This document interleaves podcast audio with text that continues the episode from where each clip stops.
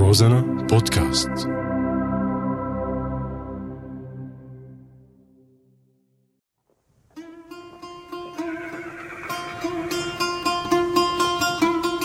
عوالم وأعلام. يأتيكم معي أنا صهيب أحمد. أهلا بكم مستمعينا على هوا راديو روزانا. قلة من السوريين سمعوا بتل بقرص الأثري وهذا موضوعنا اليوم. دعونا نتعرف على هذا الموقع.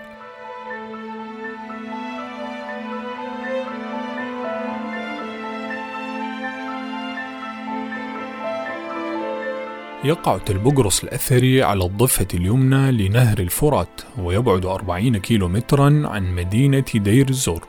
يعود تاريخ الموقع للعصر الحجري الحديث وتحديدا للألفية السابعة قبل الميلاد. اكتشف الموقع صدفة عام 1955 على يد الباحث الهولندي فان لير.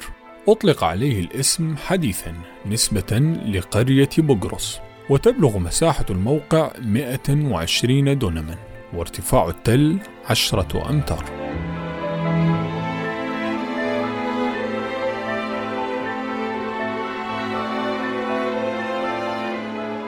تعود أهمية الموقع لكونه مبنيا وفق نظام تخطيط هندسي اعتبر الأقدم حتى الآن وصنف ضمن أقدم المواطن التي سكنها الإنسان.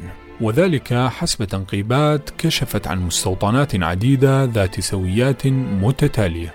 بنيت وفق نظام هندسي منتظم مؤلف من بيوت كبيرة وصغيرة يفصلها عن بعضها شوارع وأزقة وبلغ عدد البيوت المكتشفة 188 بيتا.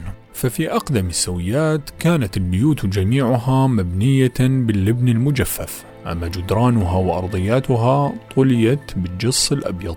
وتراوحت مساحة البيت من 50 إلى 100 متر مربع مقسمة لعدة غرف ذات أبعاد مختلفة وضمنها مواقد وباحات. أما السوية الأحدث فكانت أكثر تطورا وبنيت على شكل مجموعات.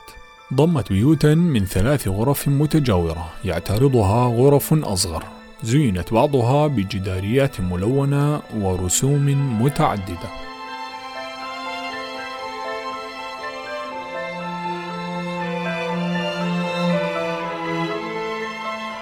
أجمع الباحثون وعلماء الآثار أن الإنسان الذي سكن البقرص اعتمد على الزراعة وتربية المواشي وعثر في الموقع على بقايا نباتية متفحمة محفوظة ضمن كوات جصية داخل بعض الغرف. ومن النباتات المزروعة آنذاك القمح والشعير والشوفان والعدس والحمص. إلى جانب الصيد البري والنهري. كما برع سكان تل بقرص في الصناعات اليدوية من خلال استخدام المواد الطبيعية في البيئة المحيطة كحجر الألباستر الصلب الذي استخدم في صناعة الأواني. وما أثار دهشة المنقبين عثورهم على إبر ومثاقب. صنعت من صخر بركاني شفاف مائل للخضرة يستخدم حاليا في صناعة الزجاج ولم يوجد حينها إلا في مناطق الأناضول. مما يدل على وجود تجارة مبكرة مع مختلف المناطق.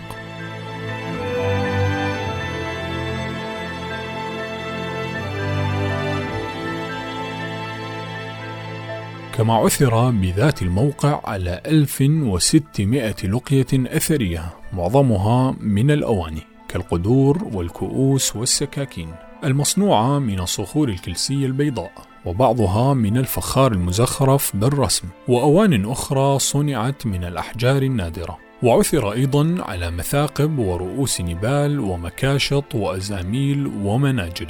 معظمها صنعت من حجر الصوان إضافة إلى فؤوس ومقدات. ومقصات صنعت من الأحجار النادرة المصقولة وأدوات أخرى للجرش والطحن. كما وجدت مجموعة رائعة ونادرة من الدمى الحجرية والطينية وأخرى عظمية. منها تماثيل لبعض الحيوانات كالأرنب والسلحفاة ورأس ثور وكميات أخرى من أدوات الزينة كالخرز والقلائد المصنوعة من الأحجار النادرة. وأعظم ما وجد في الموقع نظام للصرف الصحي يمتد من البيوت إلى مكب خارج المدينة عبر أنابيب من الفخار المشوي. وهذا النظام لم يعرف إلا بعد عصر بقرص بآلاف السنين ليكون شاهدا على حضارة اعتبرت من أعظم حضارات حوض الفرات والعالم. صهيب أحمد روزانا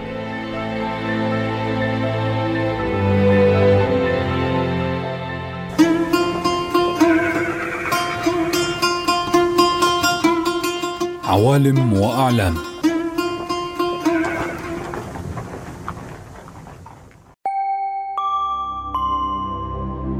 روزانا بودكاست